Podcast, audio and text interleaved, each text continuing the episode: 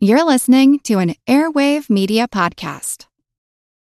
When you need mealtime inspiration, it's worth shopping Kroger, where you'll find over 30,000 mouthwatering choices that excite your inner foodie. And no matter what tasty choice you make, you'll enjoy our everyday low prices, plus extra ways to save, like digital coupons worth over $600 each week. You can also save up to $1 off per gallon at the pump with fuel points. More savings and more inspiring flavors make shopping Kroger worth it every time. Kroger, fresh for everyone. Fuel restrictions apply.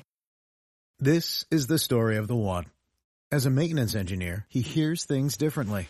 To the untrained ear, everything on his shop floor might sound fine, but he can hear gears grinding or a belt slipping. So he steps in to fix the problem at hand before it gets out of hand. And he knows Grainger's got the right product he needs to get the job done, which is music to his ears. Call, clickgranger.com, or just stop by. Grainger, for the ones who get it done. This is Kick Ass Politics. I'm Ben Mathis. Today's podcast is brought to you by Audible.com. Over 180,000 titles to choose from for your iPhone, Android, Kindle, or MP3 player. And right now, Audible.com has a special promotion for listeners of Kick Ass Politics.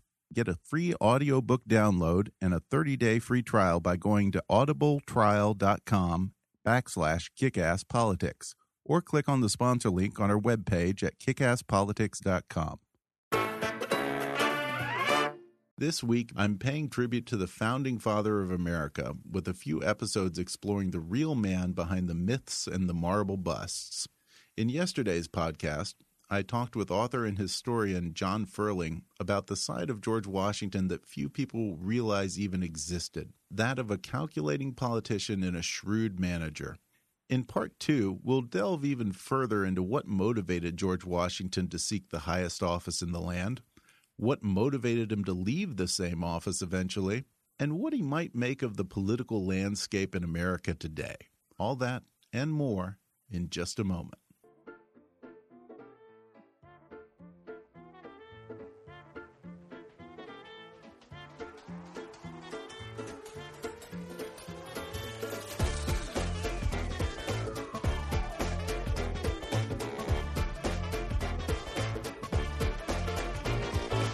From Hollywood to Washington, it's time for Kick Ass Politics.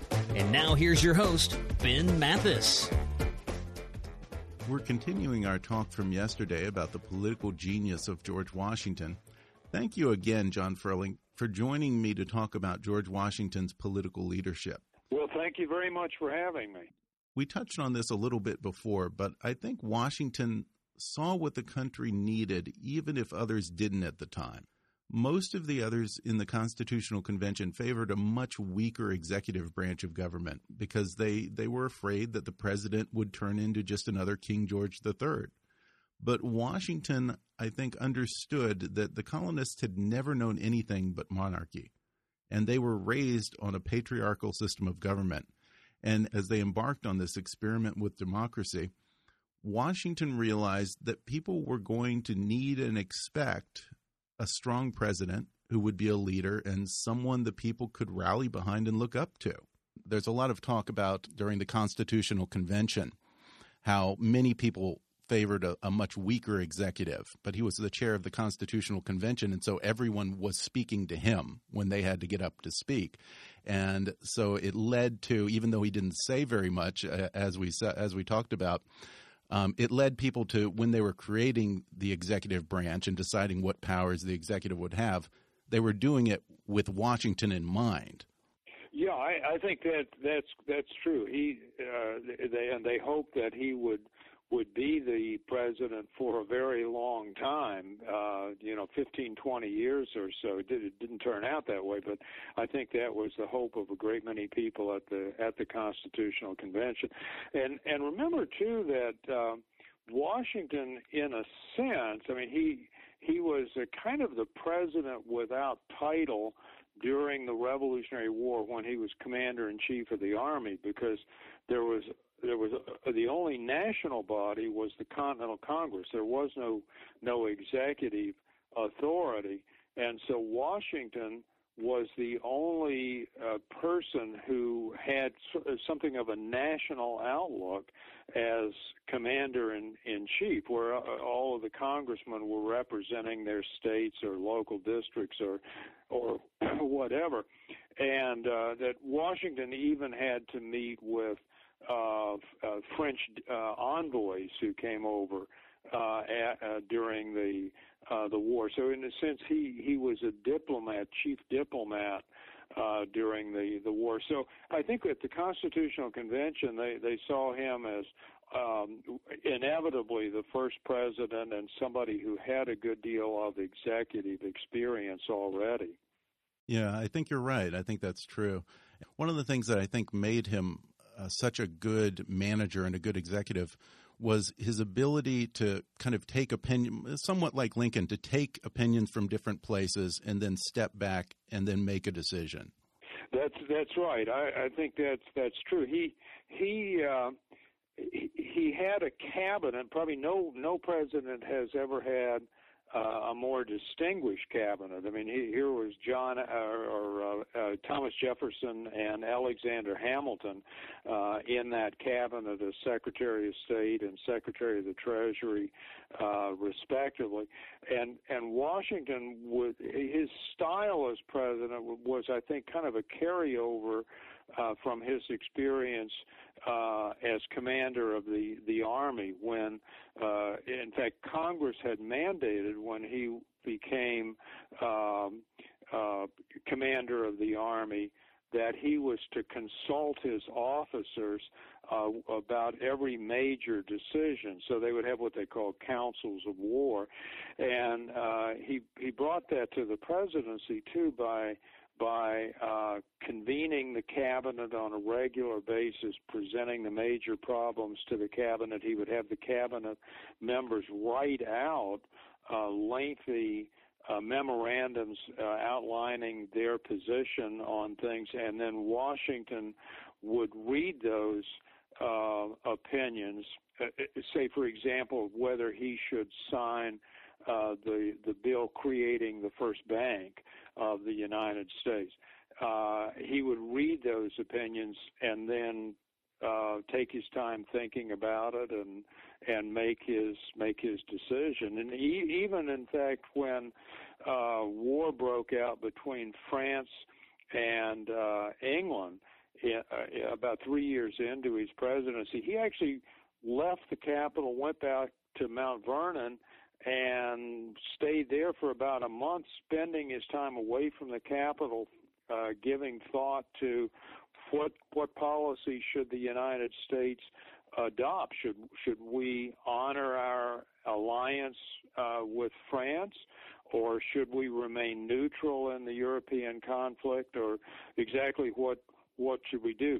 And of course, he had a he had something of a luxury in his time uh, that modern presidents don't have, and that is he didn't have to make instant decisions. Uh, it, it was a very different world in the 18th century because it took so long for for word to get across the Atlantic. Right. Well, I'm sure that that must have frustrated some people. One of the other things, kind of part and parcel of his gift of silence, is people talk about how if he didn't want to answer a question, he just wouldn't.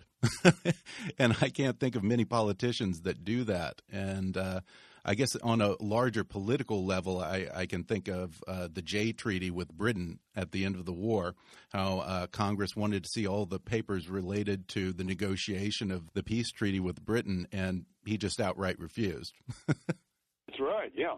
And he, well, he regarded it as an executive uh, matter. Con- the Senate did have to ratify the treaty, but uh, he he regarded it as an executive uh, matter. And uh, so he, you know, he he would make his decision in what he thought was uh, uh, the best interest of the country. Yeah. Well, I'm curious. What are some of the other things that maybe we haven't covered here that are some of his great attributes as a politician? Well, I, I think uh, uh, other than the one that I mentioned, where uh, he convinced people that he was above politics, was that uh, Washington came into office with uh, a stature that uh, virtually no other president has has ever brought to the office. I mean, he he was revered as uh, the victor in the uh, in the Revolutionary War and uh, a person who had served with honor, who had sacrificed. Uh, there was no hint of scandal uh, about his behavior in eight years uh, during the during the war. Um, he, he hadn't always succeeded as a general, but as John Adams said, Congress uh, managed to keep some of Washington's mistakes hidden from the, the public. So he came in with this this um, almost Olympian uh, kind of of stature, and that certainly, uh, I think, uh, uh, made him a, a great leader. It, it caused people to want to follow him and to rally around him. And in fact, um, uh, toward the end of his first administration, Washington told both Jefferson and Hamilton that he he was going to hang it up. He had had enough. He wanted to go back home, and both Jefferson and Hamilton uh, wrote to Washington and said pretty much the same thing that if we have you to hang on to, we can hang together. That is, the country can stay together. It's essential that you serve a, a second uh, term. And, and I think, too, I remember a comment that John Kennedy uh, supposedly made one time where he said that uh, to be a great leader, one must uh, uh, uh, have people both love and fear him. And I think Washington, uh, I think people responded to Washington in, in that way too, that people loved Washington, respected Washington, revered Washington, but there was also uh, a fear of of Washington. He he was a guy that you didn't want to to cross. People had crossed him during the Revolutionary War. Um, there was a movement uh, around 1778, in fact, to dump Washington and replace him with with General Horatio Gates, and and pretty much everybody who was involved in in the move to dump Washington uh, really paid for it. They they lost their reputation, and and from that point on, I think it it, it became pretty clear that it was kind of the third rail of American politics to uh, to to cross uh, Washington. So I, I think there there was some some fear of Washington, and, and I think it, it I mean it, you can see it in in Jefferson that. Um, Jefferson, for example, left Congress uh, at right after the Declaration of Independence uh, was was approved and independence was voted on. He went back to Virginia and he serves in the Assembly in Virginia. And he turned down uh, Congress's request to go to Europe as a as a diplomat and whatever. And in 1779, Washington wrote a letter to George Mason, his neighbor in Virginia. He didn't write it to Jefferson, but he wrote it to Mason, knowing that Jefferson would get it. And uh, he says to Mason, Where is Thomas Jefferson when the country needs people of his ability serving? serving? And uh, as soon as, as Jefferson heard that, Jefferson knew uh, he had to do something. He he couldn't afford to to win the uh, disfavor of Washington, and so he agreed to become the governor of Virginia and served two very difficult years in that that position. So I think Washington uh, was a, was something of an extraordinary leader because he inspired uh, love and he inspired uh, fear, but also because, as, as we've already said, because of these these other things. He he was kind of remote. He was uh, seen as virtuous, as honest, um, uh, uh, and um, as thoughtful, and above all, convinced people that the decisions that he made were not narrow partisan decisions, but decisions made in the in the national interest. I, I'm not saying that Washington wasn't partisan. I I think right. he, he really agreed more with the the Federalists as time went on in his administration, but I think he succeeded in convincing people that he he um, was nonpartisan and that the decisions that he made uh, were made solely in the national interest. And I think largely they were made in the national interest. Well, when you hear presidents and former presidents talk about their time in the White House, invariably they all say the same thing uh, that it's that first day in office when it really hits you that it's about the good of the country, not about your particular party. And there's a huge sense of responsibility to do right by the office of the president and by the country. So I can't even begin to imagine what that sense of responsibility must have been like for George Washington being the very first one and having to set the bar for everyone else who would ever come after him.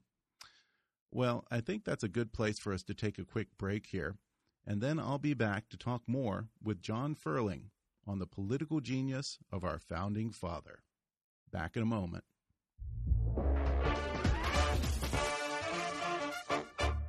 This portion of the podcast is sponsored by Fiverr. That's F I V E R R. Now, folks, you've heard me rave about Fiverr before.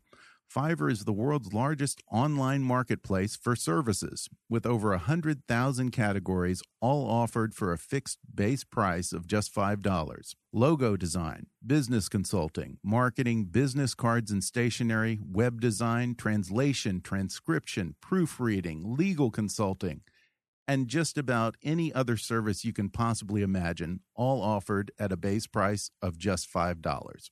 In fact, you know the announcer who does our intro to Kick Ass Politics?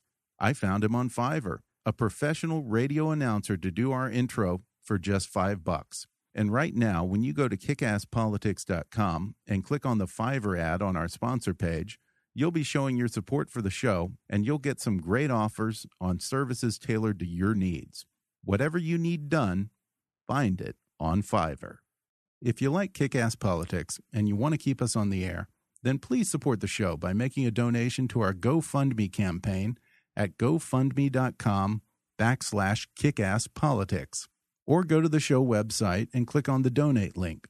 Your support will help keep us producing new and even more interesting programs in the future. That's gofundme.com backslash kickasspolitics. Now, enjoy the rest of the show. I'm back with John Ferling. We were just talking about George Washington's ability as president to give at least the appearance of being above partisan politics. And when you read his letters and his speeches, he does seem to have just a, a disdain, if not outright contempt, for partisanship. I mean, it's easy for us today to bash partisan politics, but taking sides and forming alliances with others who share your values. I mean, that's been a part of politics from the very beginning. So then tell me, John, what was behind Washington's contempt for political parties?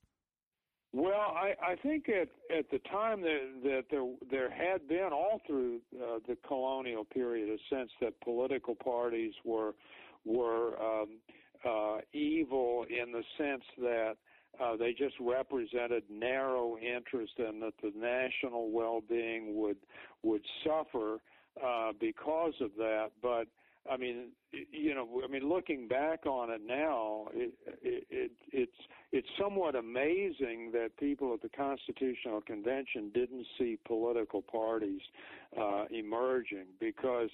I mean, the, the First Continental Congress, even before the war begins, the, in 1774, the First Continental Congress had only been meeting for three or four weeks when there's the first split between North and South. They're fighting over uh, a matter of uh, uh, in, in boycotting uh, British trade and also boycotting exports to Great Britain, and that's the first split between between North and South. I mean, you, in retrospect, you can see it coming, and there are divisions in the Constitutional Convention. So it seems pretty clear in retrospect. In hindsight, that political parties were inevitable, but they seemed to take people by surprise at the time, and and uh, uh, the the uh, people like Hamilton made a good deal of hay out of branding Jefferson as the villain and having created uh, political parties. Well, I'm curious what he would think today. I mean, because parties are such a huge part. I mean, it, it's essential to the whole system today as we know it. I'm curious what he would think of things if he were to look at the political situation and the partisanship today, because ultimately it's really served us fairly well for so many years. I mean, it's hard. It's hard to say to move somebody, uh, you know, from the 18th end of the right. end of the 21st century. Uh, True.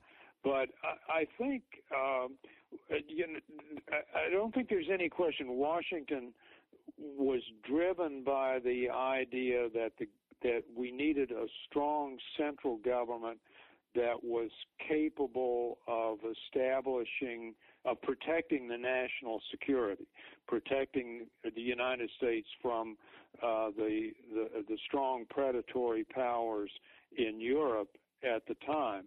And so I think from that standpoint, if he came back today, he would probably uh, be very happy with with the fact that we spend so much money on on defense and that we are so strong and we're and we're vigilant and and uh, and and whatever. Uh, with political parties, uh, he he he probably I, I think would be somewhat aghast at at the behavior of of uh, uh, presidents today, and and I don't mean just Obama, but I mean presidents in general, and in in the the modern age. He he came from a different age and a different time. I mean, here here was a guy who didn't shake hands with people; he bowed uh, to to people and uh, uh, was not good at making small talk and and whatever. So he he would have, I think, uh, um, been probably somewhat flabbergasted to see what what has has has come down the road since since his time. I mean, he he dies just two weeks before the 19th century begins, and he's very much a a person of the the 18th uh, century. Right. I can't picture him faring very well in a 24 hour news cycle with bloggers and everything, scrutinizing every move. well, I'll ask you just one more question, and this is something that I personally have always kind of wondered. We make a lot of the fact that he served two terms and then stepped down. And certainly that is a huge, huge thing to do for someone who's handed all that power.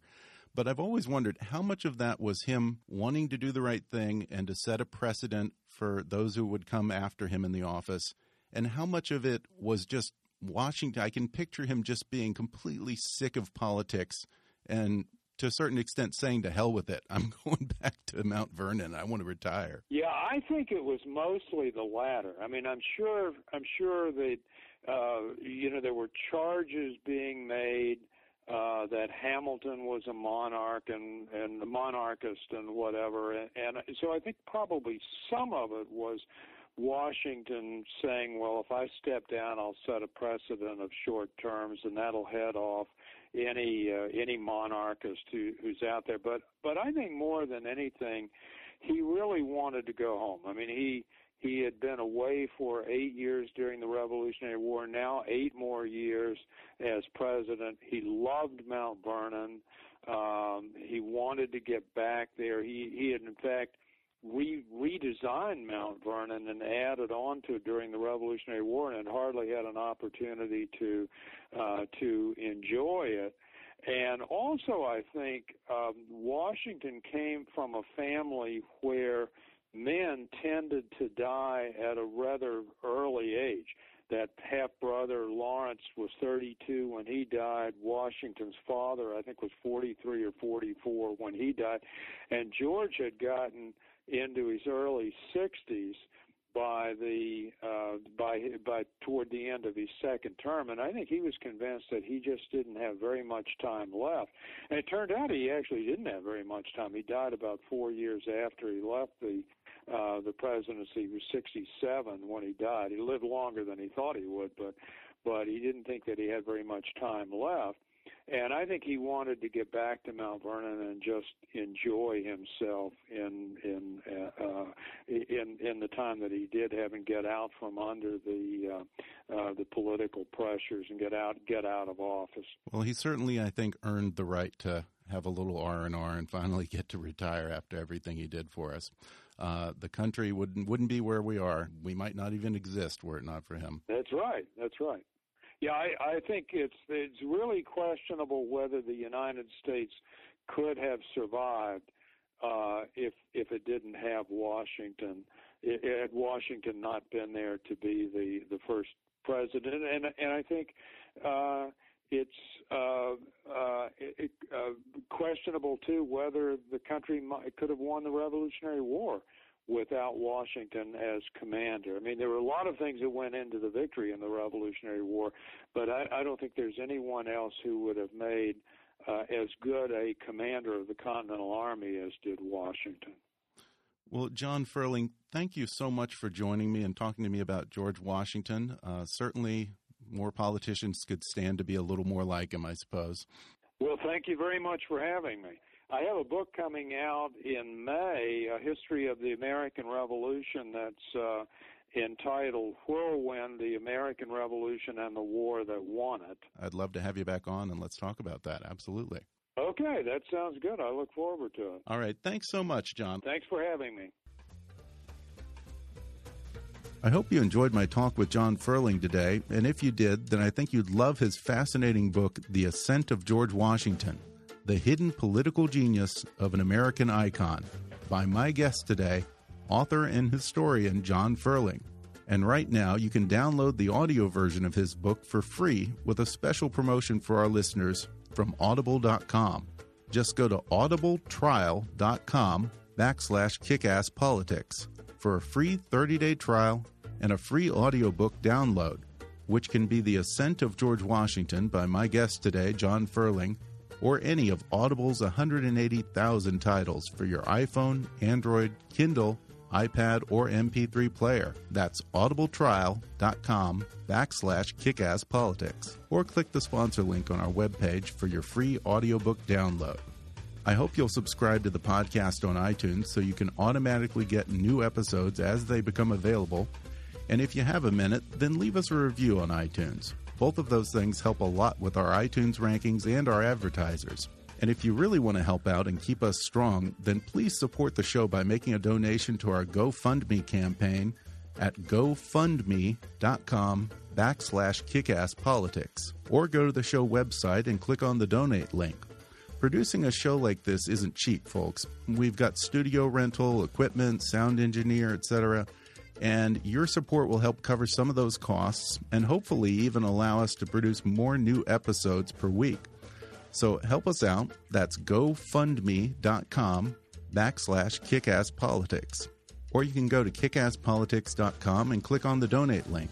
As always, I welcome your comments, questions, and suggestions at comments at kickasspolitics.com or leave a voicemail on the toll free listener hotline at 844 KA Politics. But for now, I'm Ben Mathis, and thanks for listening to Kick Ass Politics.